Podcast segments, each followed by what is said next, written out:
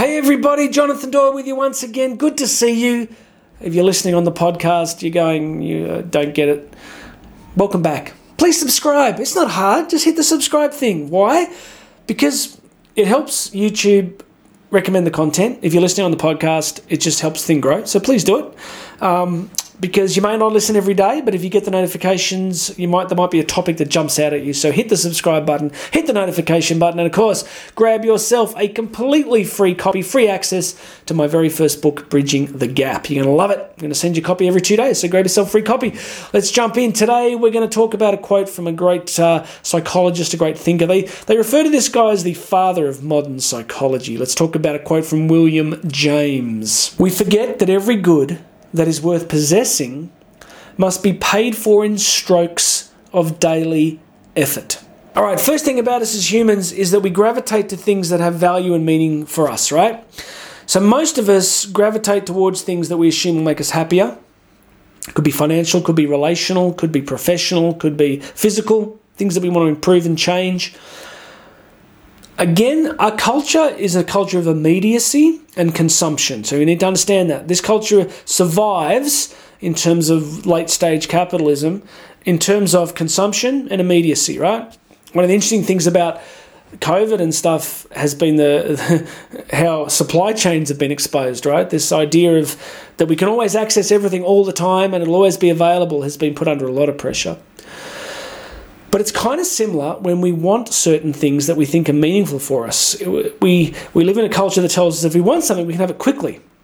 There has to be a hack, there has to be a shortcut, there has to be a way to get what we want really quickly. Like a lottery ticket, right? Like we're going to bypass all the work of building wealth, creating value in the world. We're just going to buy a ticket and it's done. Yeah, and that can work. And if it works for you, awesome. Be great. But what William James is telling us here is, you know, he's pulling back the curtain on the universe and showing us the way that reality is actually constructed. So, if you've ever received a personal email from me, my email signature has a quote from Ayn Rand, which talks about that we need to we need to accept reality as it is, and not try and avoid it or pretend we can change it. So, what William James is telling us today is that as we pull back the curtain here, the truth about life is that things that are meaningful for us require daily effort. You know, if you've followed me for a long time, you know I'm a bit of an exercise fanatic, and you know, I didn't get fit in one 24 hour block, right? And I didn't improve as a speaker and communicator in one 24 hour block. These things took decades of work.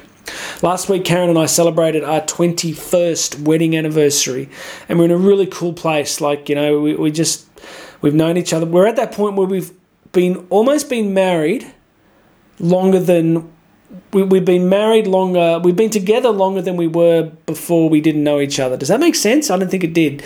Um, we've been married, like we've we've been married longer than we haven't known each other, something like that. Anyway, but we're in a beautiful space, we're in a really nice space as a couple, and just really enjoying our marriage and each other. And you know that marriage is built on a whole bunch of factors, not just us. It's the people that have supported us and loved us on the journey, and um, it's our faith, and it's a whole bunch of other things. But it's also a lot of daily effort, and we are totally imperfect, and we fight. I mean, it's Karen's fault when we fight, of course, but we argue. But in general, there's a daily care for each other. There's a daily solicitation in the sense that we kind of we're, we're sensitive to what the other person might need and how we can help each other. So it's the daily things that have probably got us here. You know, there's big picture stuff that we both believe in and care about, but it's the daily stuff. Same with fitness. You know, most people that build wealth do it over time and often if, if it happens quickly it gets lost quickly. So what i'm saying to you today is whatever you want in your life whether it's better health better physical body better finances better relationships better professional life whatever it is for you it's unlikely to happen in an instant. So i want you to look into your life and i want you to say to yourself what am i doing on a daily basis that's moving me either further away from what I want or closer to what I want. And if you can answer that question, that can be really helpful because it's the day in, day out that truly matters. Yeah, there's big moments in life, there's big peak experiences we have, but at the end of the day, I think what really matters is what we're doing on a daily basis. So that's why I coach people, you know, because I'm trying to help people look into that system that they're living. And it's like, well, here's my system. What do we need to do to change it? You know, I think a lot of the great thinkers around pers- around personal development have been big on this. That it really it's the daily routines, it's the daily habits that, that shift things. All right, so let's keep that in mind. I'll keep talking to you about it in the weeks ahead. But uh, please make sure you subscribe. Grab a free copy of Bridging the Gap. God bless you. It's been great